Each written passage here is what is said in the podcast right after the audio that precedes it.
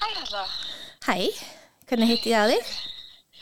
heyrðu, þú bara hittir hágætlega, þetta er alltaf smella. Já, eru þið byrjað að grafa? Já, sko, það var, við erum ekki alveg byrjuð, það var eiginlega aðeins meira við svona að koma gröfin hérna upp eftir, en hann er bara alveg að fara að byrja móka. Ok, spennandi. Býta eins, Ég get líka bara hringt í það, já ég get bara hringt í það eftir. Þú, þú mátt líka bara láta mig vita ef það er eitthvað að frétta. já, já, já, algjörlega, ég skal gera það, ég þér að fylgst með. Ok, heyrstu Hey, eftir. segjum það, já, ok, Bye. bye. Þetta var Þóra vinkona mín. Hún er upp á kili með Þórarni frenda sínum. Hann hefur síðastliðna tvo áratugi verið í virkri fjársjóðsleit í óbúðum Íslands og leitin hefur ekki beinst að neinum venjulegum fjársjóði, heldur að hinnu heilaga grali.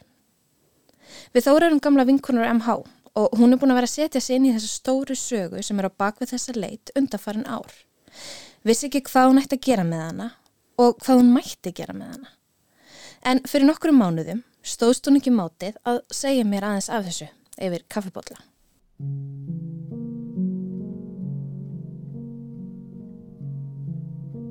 Ég heiti Halla Ólafsdóttir og með mér er Þóra Hjörlusdóttir. Þú ert að hlusta á leitina, fyrsta þátt, Ísland í miðju Evrópu.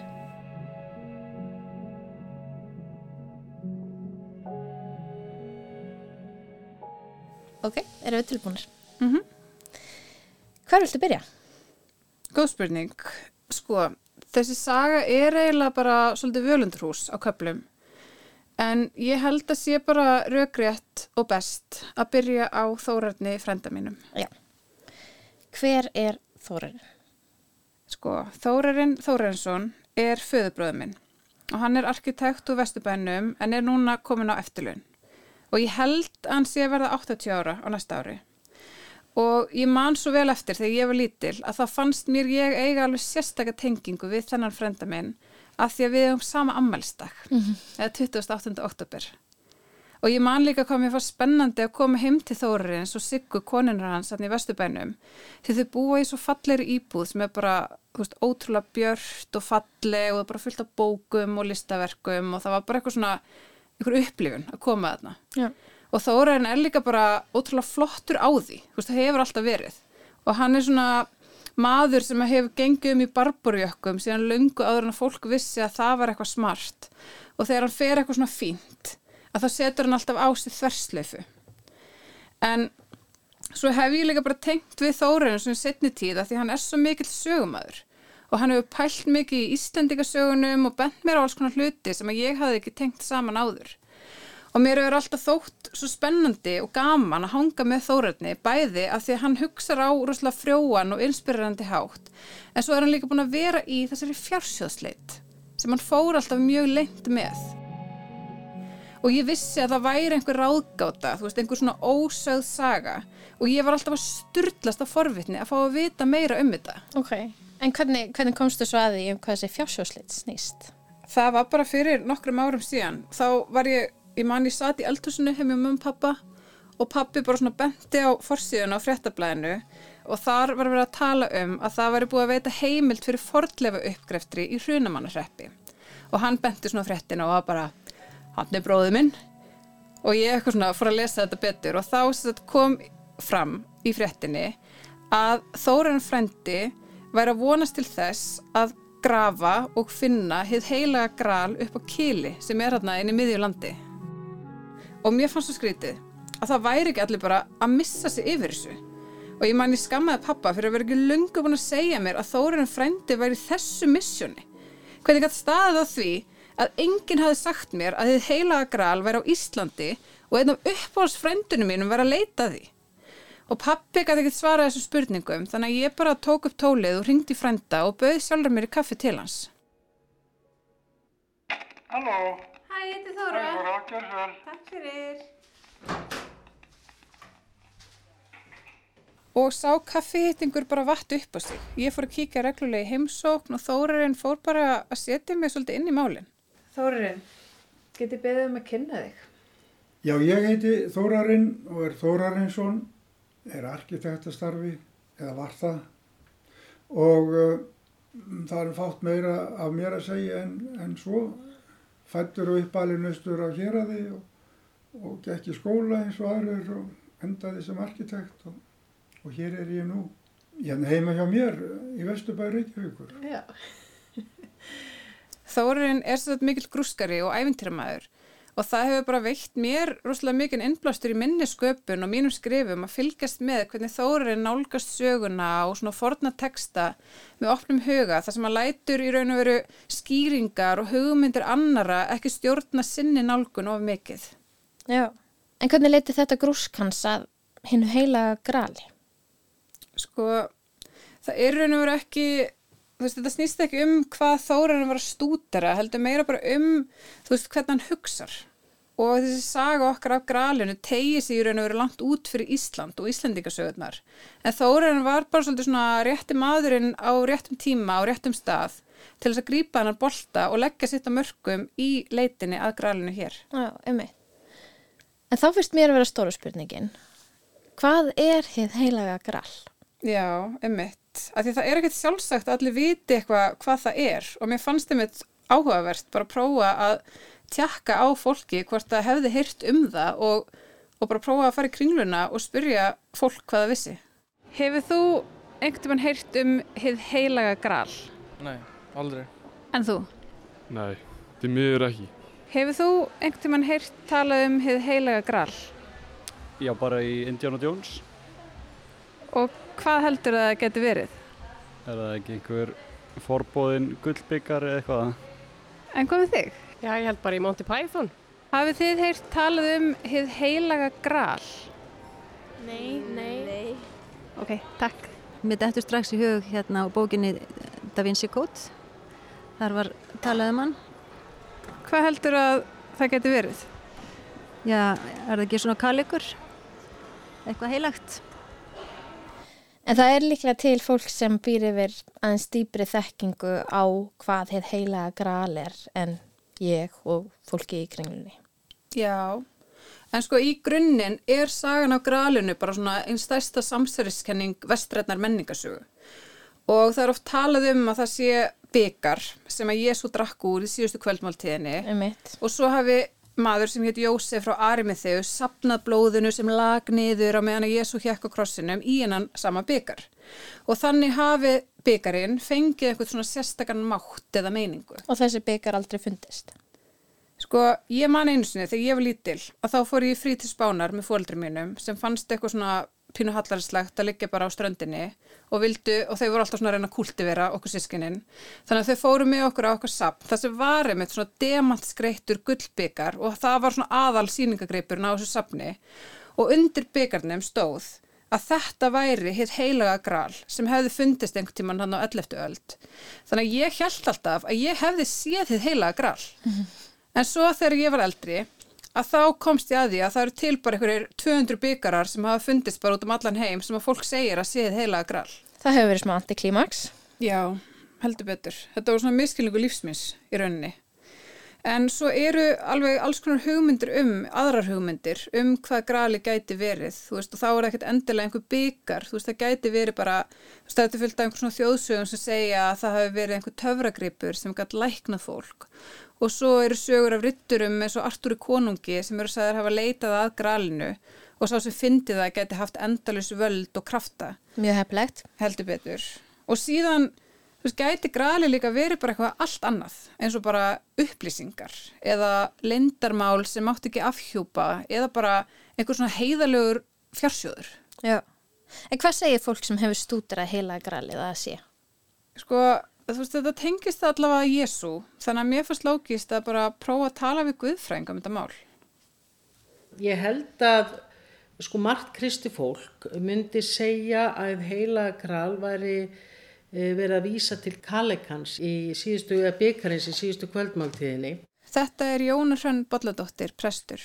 Og það er alveg fallið hugsun vegna þess að, að, að við tölum um, um blóðkrist í Kalliknum og og, og Jésús útildi úr honum og, og leiðu við tölum með blóðkris þá vorum við að vísa til fórnar hans og gjafar hans hvernig hann gaf sitt eilíf fyrir sinn málstað og allt það sem hann hefði gert til þess að, að brjóta upp óréttlætið og, og samfélagsmyndina og ósangirnina sem ríkti fyrir 2000 árum. Það er mjög falli mynd, en svo er líka þegar maður hugsa um það, ef maður ætlaði að horfa á einhvern kalig sem væri þitt heila gral og, og, og hérna þá, þá sér fólk stafs fyrir sér einhverja gimstein og eitthvað gríðalega fallegt og stórt og eitthvað svona. Þegar auðvitað sannleikunum var sá að Jésús hefur bara sko verið með eitthvað lítinn og lélegan kalig sem hann hefur fengið lánað því bæði hann og fylgjendur hans þetta var sko allan að lærisveinarnir eins og þeir voru kynntir voru bara erfiðismenn og fátækimenn og þeir fá lánað eitthvað loftsal til þess að halda þessar sístu kvöldmáltíð og Jésús fekk allt lánað. Hann fekk lánaðan asnan til að fara inn í Jérúsalem og hann fekk lánað brauð og fyrst til að gefa fólkinu og hann átt aldrei neitt. Þannig að ég sé alltaf svo bara fyrir mér sko hann er búin að eiga þessa tákrannu sterku aðtöp sko síðasta máltíðin saman og svo fó bara sér kalikur í vaskin og í uppvaski sko með öllu hinnu. Þannig að þá svona bara myndin af hlutnum, þessi hlutgering, hún svolítið sko, hún svolítið í mínum huga sko missir marsum í heila gral. Ok, þetta er áhugavert. En það líkur náttúrulega fyrir að Þórarinn var ekki að leita að hverstaslum bolla. Nei, enga veginn. Þú veist, hann var ekkert að leita að einhverjum leikmunum úr síðustu kvöldmáltíðinni. Það var alveg skýrt. Og hann sagði mér að hann væri að reyna að finna fjársjóð eða handrit eða einhverju svona mikilvægur upplýsingar frá Evrópu eða með Östurlöndum sem gætu hafa verið falin hér. Um eitt. En þú svaraði eiginlega ekki alveg spurningun áðan þegar ég spurði þig hvað kom til að hann fór að leita einu heila grali á Íslandi? Nei, einmitt. Sko, þetta byrjaði allt árið 2004. Þá var Þórarinn á einhverju svona samnorranum fundi sem fulltrúi arkitekta og lendi á spjalli við kunningasinn sem heitir Þorgir Ólásson sem vann þá fyrir mentamálaráðanetið. Og yfir kaffi og kleinum þá sagði hann mér að hann hafi verið söður á Ítalíu nokkrum vikum áður í Milano og þar hafði hann hitt mann með mjög sérstatt erindi. Já, hann Þorgir, hann nefnilega vinnur á rúf núna mm. og mjög heppilegt að byrjunum að rifja upp sinn þátt í þessari sögu. Þetta var í Milano upp til henni kringum aldamótin. Það var verið að opna stóra norræna hönnunasýningu og ég var þarna sem fulltrúi uh, myndamálaráðanetsins og svo er, er hún búin að opna og svo mikil veislu eftir. Og í búðinu var Þorgeir sem sett kynntur fyrir ítölskum verkfræðingi sem var mjög mikið niðri fyrir um mál sem tengdist Íslandi. Og það var nú, okkur gekk nú ekki dossulega vel að skilja hvernig annan út af svona tungumála örðuleikum en máli snýrist til um það hjá honum að fá hvernig var þetta að fá leifi til þess að grafa eftir fortleifum á Íslandi. Ég sá náttúrulega öll tormerki á þessu en sagði lofa honum samt því að, að ég skildi nú aðtuga málið en þetta var, ég verður bara að játa það ég skildi ekkert um hvað hann var að tala þarna á þessum stað en það er náttúrulega mikið að gerast þarna við þessu ofnun nema hvað, svo kem ég heim með nafnspjöldaðins og það leikur tölvunum mína þarna í nokkra daga og ég veit, veit ekki leikt hvað ég að gera. Svo endanum með því ég skrif honum senda honum tölvupóst og beða hann um upplýsingar. Og hann gerir það og það var nú eina sem mitt hætti hugurinn og var hann að finna einhvern mann á Íslandi sem hugsanlega gæti verið samstagsæðilans og, og greitt götans hér á landi. Einhverju hefði nú bara fleikt hérna náttúrfjöldinu út úr gluggan en ég var búin að lofaði mannunni þessu þegar hitt hann og mér fannst ómulegt annan að standa við það að, að reyna að leysa þetta mál og leiða til líkta með einhverjum hætti. Þessi ítali var verkfræðingurinn Giancarlo Gianassa og meðan Þórarinn hafði verið að grúska í Íslandikasögunum hafði Giancarlo leigið yfir ítöfundur um Dante og svona stórverkum ítölsku endurreysnamálarana, þú veist eins og Da Vinci og Botticelli og þeim öllum. Já, sem er þá kannski svolítið eins og Íslandingasögur ítala. Já, algjörlega. Þetta er svona þeirra menningararfur. Og Þorger, hann þekkti til Þórarins og vissi af hans grúski og tengdi þá þessuna saman og Þórarinn og Giancarlo þeir fóru þarna að skrifast á. Og í fyrstu var Giancarlo alveg svona frekar varkár með að segja eitthvað svona nákvæmlega hvert erindi sitt væri. En hann sagði Þórarni að þetta tengdist Kili og Hálendi Íslands. En ég held að þetta bara leifa Þórarni að kynna Giancarlo er læri verkfræði, byggingaverkfræði og þegar hann útskrifast þá er lítið að gera í þeim bransa á Ídalíu. En þá er tölvuðinaðurinn að vaksa og grassi og hann ræður sér til IBM á Ídalíu og gerist kerfisfræðingur hjá IBM. Og hann er það góður í þessu að hann endar með því að stopna sitt eigið fyrirtæki á sama sviði og sjálft IBM. Og, og þetta var aldrei stór business, hann sagði mér að, að, að, að þessa tölver sem hann var að kaupa sko gáttu að kosta allt upp í 20 miljón dollara á, á þáverði sko. Og hann var að forrita fyrir þessi, þessar tölfur og hafði mikið að gera og hann þurfti enda löst að vera að fara á milli og, og, og bjarga og laga og sinna svona verkefnum. Og hann sagði það að meðan hann var þarna sko starfandi þá var umferðin á vegunum þarna alltaf þingri og þingri og, og byðraði þarna lengri og lengri og stoppin vorðu meiri og meiri þannig að á endanum þá bara gafst hann upp á þess en hann hafði hobby sem hann hafði áhuga á og þetta hobby var að, að því hann var svona starfræðingur og, og, og útjónusamur á því sviðu og hann var í í allavega pælingum í og, og, og svona allavega sko tegund starfræði. Það eru meðal sko svona dul likla speki. Það ljómar alveg eins og að Giancarlo hafi verið smá tilvistakreppu. Já, pottjett. Ég held það.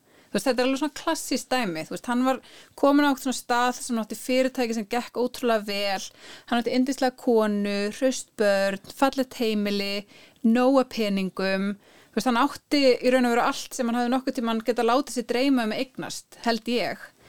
En þarna var hann orðin bara útrúlega þreyttur á að vinna myrkran á milli og vera stressaður og setja sveittur í ítölsku umferðinni og hann hefur örgulega farið að spyrja sig þessar stóru spurninga sem fólk í tilvistakreppu spyr sig sem eru bara, þú veist, akkur er ég aðeins öll saman og hver er tilgangurinn? Og þetta leiti til þess að Giancarlo fór svona grúska og nota þekkingu sína í að afkóða falin skilaboð í málverkum og svona. Það var svona nýja hobbyið hans og á þessum tímpunkti þá var hann farin að setja lífsett í eitthvað svona annað samhengi og það má eiginlega segja hann hafi verið byrjaður að leita að hennu Helga Grali. I didn't want to do this research. It was uh, by chance. I was reading a book and this book they talk about Botticelli and the Primavera Botticelli. Þetta er Giancarlo. Hann segist ekki hafa ætlað sér að fara út í þessa rannsókn. Þetta hóst allt saman fyrir tilviljun. Hann hafi verið að lesa bók þar sem var talað um La Primavera eða vorið eftir Botticelli og að í málverkinu væri dölspekileg skilaboð sem engum hefði tekist að tólka. Og fyrir forvittni sakir ákvað Giancarlo að kynna sér málið og hann endaði á því að skoða málverkið í tvo mánuði og komst að því að málverkið vísaði í henn guðdómlega gleðileg eftir Dante. The Primavera Botticelli and the Diamond Comedy. Ok, þarna er Giancarlo að rýna málverk sem að vantalega ótal margir aðrir hafa rýndi. Er ekki alveg frekar ólíklegt að hann fyndi eitthvað sem engum öðrum hefði tekist að finna í öll þessi ár, mörg hundruð ár? Já, ég meina, þú veist, hann er náttúrulega verkfræðingur og er að nálgast þetta á einhvern svona ferskan máta og veist, það er fullt af fólki sem hefur verið í þessu stússi að veist, skoða þessi málverk og notar alls konar leiðir til að gera það eins og veist, að spegla þau og leggja þau ofan á hvert annað og eitthvað svo leiðis og þá sjástuðu svona einhverja nýjar myndir og falin skilaboð. Og Giancarlo gerði þess að þá uppgötun að Botticelli væri þarna í þessu vori að tala um gleðileg Dantes undir rós. Þetta var svona eins og kvísluleikur á milli kynsluðana og Giancarlo sökti sér í að rannsaka gleðilegin en það er mjög mikill munur á að horfa á málverk sem að blasir við þér bara í heilsinni heldur en að öðlast yfir sín yfir gleðileg Dantes sem að er bara ótrúlega langur ljóðabolkur. Þú veist þetta eru 14.000 ljóðlinur í bunnu máli. Sem er alltaf mjög langt ljóð. Já, nákvæmlega. En gleðilegurinn er sett á yfirborðinu svona ferðasaga í þremur köplum. Það sem að Dante, höfundurinn, er sjálfur persóna í sögunni og hann ferðast ekki um viti og klýfur skýrnarfjall og kemst þannig inn í paradís eða himnaríki. Og Dante segir að í ljóðunu eru mörg lög, hvert ofan öðru og hvert öðru dýbra. Og það er ekki nema fyrir suma að finna út og skilja lög, ne, neðri lögin. Efsta lagið er það sem við blasir, bara vísan eins og stjörðan. Lagið fyrir neðan er dýpri merking og laginu þar fyrir neðan er ennþá dýpri merking og, og, og svo kolla kolli. Hann nefn, nefnir fjögur lög, dandi. Giancarlo var sem sagt að grúska í þessum lögum sem að hinn almenni lesandi kveikir ekkit endilega á. Já, af því að þú veist það er hægt að tólka gleðileikin eins og svona dæmisögu um hvernig hegðun fólks hefur afleggingar í handanheiminum og svo er líka annar lag í sögunni sem er raun og veru bara samfélagsgagrinni Dantes á samtíma sinn. Hmm. En Giancarlo, hann telur sér þess að hafa fundið fjóruða lagið í gleðileiknum og að það séu upplýsingar sem vísa á tindan fjársjóð þjóðar sem var uppi í Suðu Fraklandi á 13. öld. En það var svolítið mikil ráðgáta í kringum þessa þjóð því það var eins og þetta fólk hefði bara verið strókað út úr sögubókunum og upplýsingar um það voru að mati Giancarlo mjög bjagaðar og honum fannst þetta sennilegt að ítölsku málararnir hefði falið upplýsingar um þetta fólk sem átt að gleima og mátt ekki tala um í málverkunum sínum. En þetta fólk var sér að kalla katarar. Já, einmitt, sem að þekkjast líka alveg undir öðrum heitum. Algjörlega, sko þau hafa verið kölluð albygganesar Mm -hmm. og gnostikerar en ég held að það sé bara svona tærara að við höldum okkur við að kalla þau katara. Ég held að það sé bara hendust.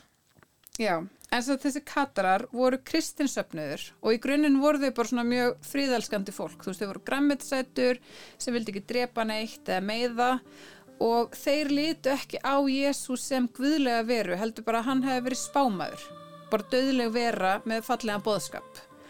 Og þeir trúðu ekkert á að fólk ætti eitthvað að svara fyrir syndi sínur í kirkju eða kirkjan hefði yfir höfuð eitthvað um það að segja hvað yrði um sálir þeirra. Heldur var það bara svona verkefni hvers manns að reyna að vera almennileg manneska og lifa í sátt við almættið. Og ef manni tækist að vera nógu góð típa að þá losna maður við að endurfæðast í eilífri lúpu hérna á jörðinni. Af því að hjá þeim var markmið hvers manns bara að hefja sig upp yfir efnið. Og það sem meira var, að þá segir sagan að þessi katarar hafi verið ríkir og mentaðir og valdamiklir hérna í söðu Fraklandi og þeir hafi verið mjög gaggrinir á spillingu innan Rómarkirkju. Þannig að Páfanum stóð á tímubili ógn af þeim og hann keirði af stað bara krossferð gegn katurinnum fyrir villutrú árið 1209 og það var bara að einhverju svona þjóðarmorði sem að stóði rúmlega tvo áratvíi og þá hafði katurinnum nánast verið útrýmt og þau fáu sem að lifðu fóru bara í felur. Mm. En sem sagt, Giancarlo telur að þegar að krossferðin gegn katurinnum hófst að þá hafi þeir gert bara einhver svona ráðstafanir til að fela verðmætti sín og þetta er í raun og veru svona kjarnin í kenningu Giancarlos um hvað þið heilaga gral sé. Að það séu þess að handrit eða heimildir eða verðmæti sem tilhyrðu þessum katurum. And what do you think the treasure is? Probably here there are the, the, the true teaching of Christianism that Qatars follow it. That is different from Catholicism. Giancarlo segir að fjársjóðurinn gæti líklega falist í raunverulegum kennisetningum kristninar sem kataratni fylgdu og eru ólíkar þeim katholsku. En fjársjóðurinn gæti einnig verið einhvers konar skjöl og upplýsingar sem varpa ljósi á hérna sönnu sögu kristninar og nýju ljósi á vestræna menningarsögu. So the, tr the truth of the story, of our story, uh, western story. Giancarlo er að tala um hérna sönnu sögu. En hver er hinn sanna saga fyrir katurunum og þá vantarlega Giancarlo líka? Við þurfum að fara miklu lengra aftur í tíman til að geta svara því. Af því að sko ofsóknirnar gegn katurunum, þær voru í gangi þarna árið 1200 og eitthvað, þegar ég upphafið 13. aldar. Mm. En við þurfum að fara alveg ennþá lengra aftur. Bara aftur til ársins 0 eða 40, eða já, svona cirka 40. Að því sagan segir að Marja Magdalena sem var mögulega lærisveitn eða eiginkona eða styrtaræðali eða bara vinkona Jésu að hún hafi flúið Jérúsalem eftir að Jésu var krossfestur og sest að þarna í Suðu Fraklandi og að söpnuðu Katara hafi orðið til í kringum hana. Að því hún þekkti Jésu og gæti sagt frá hann svona frá fyrstu hendi og þannig byggu Katarar mögulega yfir upplýsingum sem vörpuðu öðru ljósi á líf og bóðsköp Jésu heldur en Rómakirkja bóðaði. Hann heldur að myndi breyta ykkur fyrir samtíma okkar í dag ef að þessar upplýsingar myndi koma fram. Þetta er eitthvað sem breytir öllu og engu á sama tíma. En ef Giancarlo finnur fjörsjó katarana að þá er það klárlega risa stórt dæmi.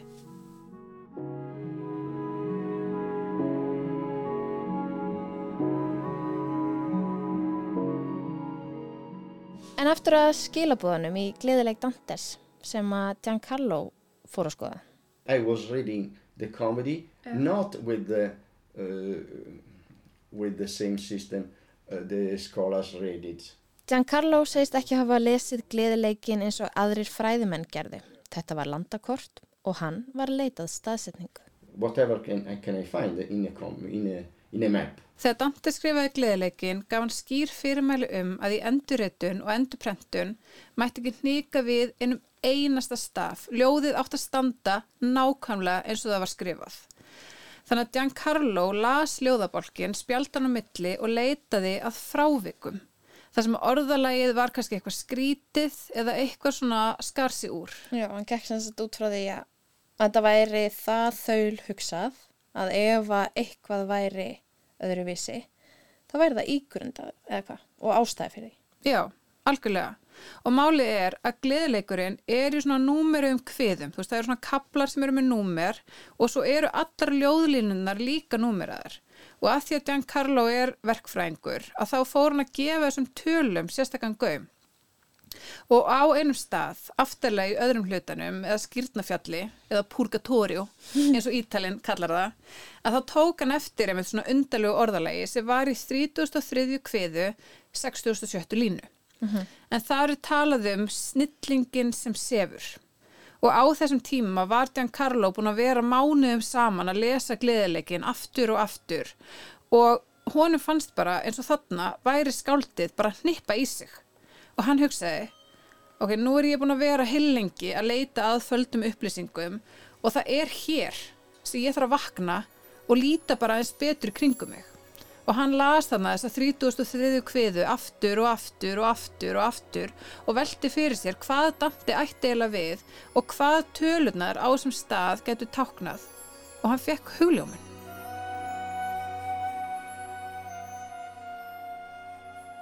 When I read these three verses, this is Iceland. And Giancarlo segir að þegar hann hafi lesið þessar kviður hafi hann uppgötað. Þetta er Ísland. Nýtin 66 gráður og 33 mínútur voru nýtin fyrir heimskuttsbaug. Þetta var Ísland og það var staðfest með því að aðeins framar í tekstanum var talað um túli. there is the circle Arctic, Iceland, and the name Thule is Iceland. And then they say, where in Iceland? Ah, but this is not explained to you. Giancarlo held áfram að rýna í númerinn í ljóðinu og fann út hnit fyrir bara svona freka nákvæmri staðsetningu upp á kili. Og hann sá að ferðalag Dantes í ljóðabolkinum var í raun og veru leiðarvísir að földum fjársjóði á Íslandi. Mm. Þannig að gleðileikurinn er í raun fjársjóskort. Mm Og það sem mér finnst alveg magnað er að á þessum tíma sem að Dante skrifaði gleðileikin að þá var alveg búið að finna upp netakerfi. Ég ætlaði einmitt að spyrja það. Já, þú veist, þau eru mögulega ekki jafn nákvæm og hnit myndi vera sem að myndi skrifa niður í dag en nú var í raun og bara svona næsta skrif að finna út fyrir Giancarlo hvernig hann geti staðfest þessa kenningu. Og til þess að hjálpa sér að ráða í hvað þetta var sem var að finna þá leitar hann til professors í Genua sem að þá var eitt fremstu maður, fræðumadur á Ítalíu í svona launkóða speki miðalda og eins og Giancarlo sagði við mig glottandi þá hafði þessi góði professor sagt við hann, heyrðu, þú ert maður sem við erum búin að býða eftir í 200 ár. Við vitum að það er dullkóði í bæði í myndunum og í ljóðinu en það er enginn geta ráðið í hvernig átti að leysa hann. Og nú kemur þú sem sagt með svarið. Og hann sagði við Giancarlo, þú verður hend öllu frá þér og bara snúða þér að þessu. Og ég framaldi því seldan fyrirtæki og bara fór snýri sér að þessu. Og uh, því miður þá andaðist þessi góði prófessor skömmu síðar þannig að hann nöyta ekki við í framhaldinu. En hann skildi Giancarlo eftir með þessa miklu ábyrð. Já, og það er í framhaldi því sem að hann segir hvað á ég nú að gera. Sko ég er með þessa vísbendingar í málverkonum og í hvaðinu sem vísa til Íslands og hvernig á ég að halda þessu verki áfram. Giancarlo þurfti að finna leið til að miðla uppgötu sinni um tengingu Dantes við Ísland og það var þá sem hann tók bara málinn í sínar eigin hendur og satt fyrir íslensku sendinemdini sem var einmitt þarna í einhverju kóttelbóði í Mílanó. Einmitt, sem að Þorger sagði okkur frá. Já, einmitt og þannig komst henni í samband við Þórurinn og eftir að hafa skrifast á eitthvað svona smá að þá spurði Giancarlo hvort það væri hægt að staðfesta kenningu hans með einhverjum íslenskum heimildum. Hann spyr mig hvort að ég viti um að til Íslands hafi komið útlenskir menn, einhver hópur manna, einhver tíman á tímabilinu frá 1215 til 1230. Og ég sagði, já, ég veit það. Það var hópur manna með snorra styrlusum sem ég bara bóðni ekkert í hvernig óskopunum stóð á að væru í hans liði. En í miklum átaka atbyrðum á þingvallum kringum 1217 þá fer Ríður Snorri á Þingvall með mikið lið og þar á meðal 8-10 allskjaldaða útlenska menn. Þar segja þeir voru albrinniða frá topi til táar og það var mjög sérkjánlegt að þeir skulle vera þarna í hans hópi. Þetta stendur í, í bók Sturlu Þorðarssonar eða hún heitir sko Ísleitinga saga Sturlu Þorðarssonar og, og þessi saga byrjar einlega sömarið 1216 þá eru sko gerast atbyrðu sem að leiða til þessa og ég skal lesa hér hvað segir um þetta. Tekstin er mjög knappur og það segir þá hér eftir þetta fjölmendu mjög báður hvárið tveggja til alþingis. Snorrið lit gera búð þá upp frá Lóbergi er hann kallaði grílu. Snorri reið upp með 600 manna og varu 8-10 austmanna í flokki hans, al skjaldadir. Bræður hans varu þar báðir með miklu liði. Allir varu þeir fyrir vestan á. Dilgjur miklar varu um þingi. Þess að þessi frásögna af þessum 8-10 erlendu mönnum á þingvöllum sem að eru upplýsingarna sem að Giancarlo vantaði. Hún alltaf passar líka við tíman. Þetta er tímin sem að ofsóknirnar gegn katurum voru bara í fullum gangi. Já.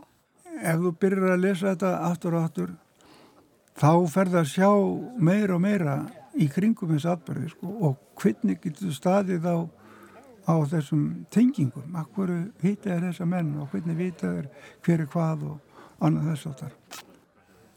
Sko þetta ásir allt skýringar og Þórarinn fór að skoða betur þessar tengingar og af því að hann hafi verið að spá svo mikið í Íslendingasögunum svona í samhengi við sögu Evrópu að þá þekkti hann alveg til Katarana og skildi strax bara nokkuð vel út á hvað þessi kenning Giancarlo skekk út á. Og við höfum verið að lesa sömu bækurnar og, og, og, og kynna okkur sama máli sem var örlög þjóðar í Suðu Fraklandi eða fólks í Suðu Fraklandi sem sætti miklum ofsóknum á 13. öld. Þórarinn, hann hafði skoðað frásænir í Íslandingasögunum eins og til dæmis orkneiðingasögu og þar er sagt frá leiðangrum manna sem fara til Suðu Fraklands og dvelja þar í smá tíma. Og Þórarinn, hann líka bara benti mér á að eins og í Íslandingasögunum að þá eru Íslandingar alltaf að skreppa til Evrópu. Sumum voru heimsækja eitthvað kongafólk, aðrir bara þveruðu alla álfuna og fóru til miðausturlanda eða landsins helga og það voru bæði konur og kallar.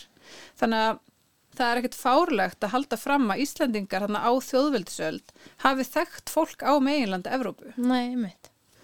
Og svo erum við með heimildi fyrir því að Íslandingar hafi með þess að sótt nám til Evrópu, bara eins og sæmundu fróði. Og það var hann í kringum árið þúsund og ef maður bara setur þetta aðeins í samhengi að þá gati ekkert bara hver sem er fyrir í nám á 11. öld. Þú veist, það hafa bara verið einhver svona örfáir, þú veist, prinsar og höfðingasinni sem gáttu gert það.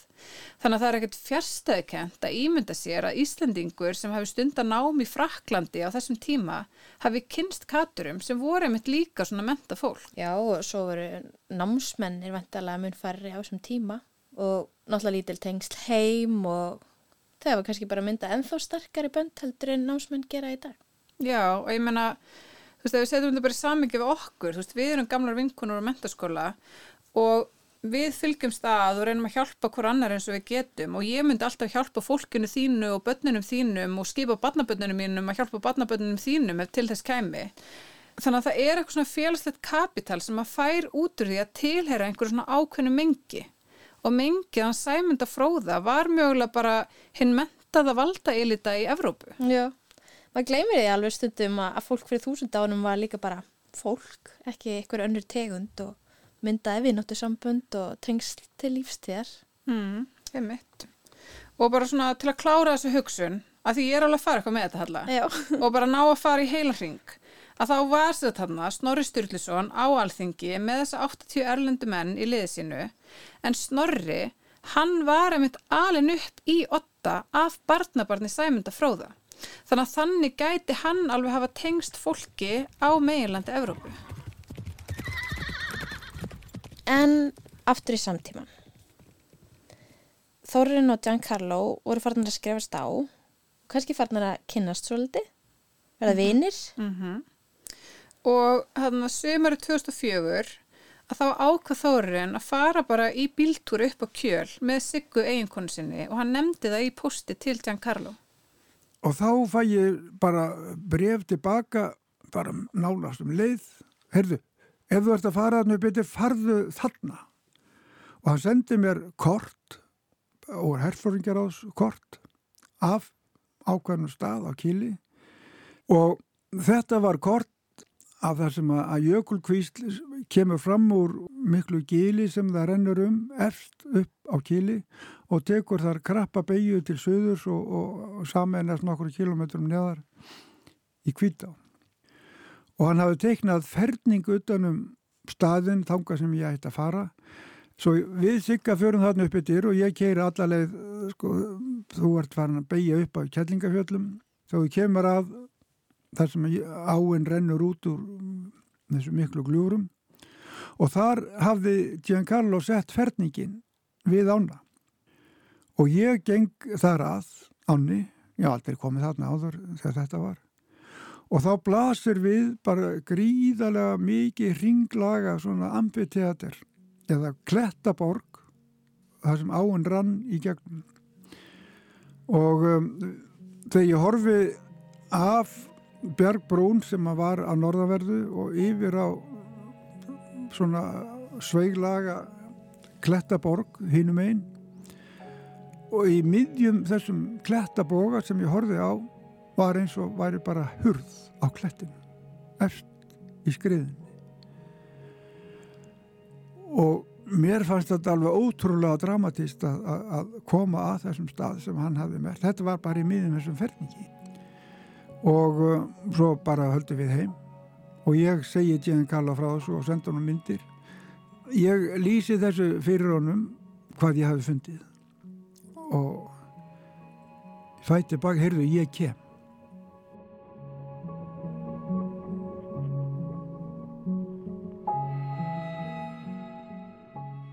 Þú varst að hlusta á fyrsta þátt af leitinni, Ísland í miðju Evrópu. Ég heiti Halla Ólafsdóttir og með mér er Þóra Hjörlersdóttir. Í næsta þætti. Giancarlo og vinnur hans, þeir fund, fannst strax að þeir eruð að fara varlega af því að óvinnitni sem að funda ekki það sem þeir vildi finna fyrir 800 áru síðan, þeir eru ennþá við völd í dag. Það er alltaf vond veður hérna og eða alls konar veður. Það er allavega geggjað félistæður. Einmitt, þú veist, það myndi engin leita hérna að sjálfsögðu. Ég þekkti mann sem að, að vann í Sælabankan og ég sagði honum að sko, það gæti vel verið að, að við þyrstum að, að fá eitthvað örugan geimslustad fyrir mikil verðmandi. Leitin er hluti af hlaðvarpi RÚF. Þú getur nálgast þennan þátt og þáttaröðina í heilsinni í spilararúf og öllum helstu hlaðvarpsveitum. Takk fyrir að hlusta.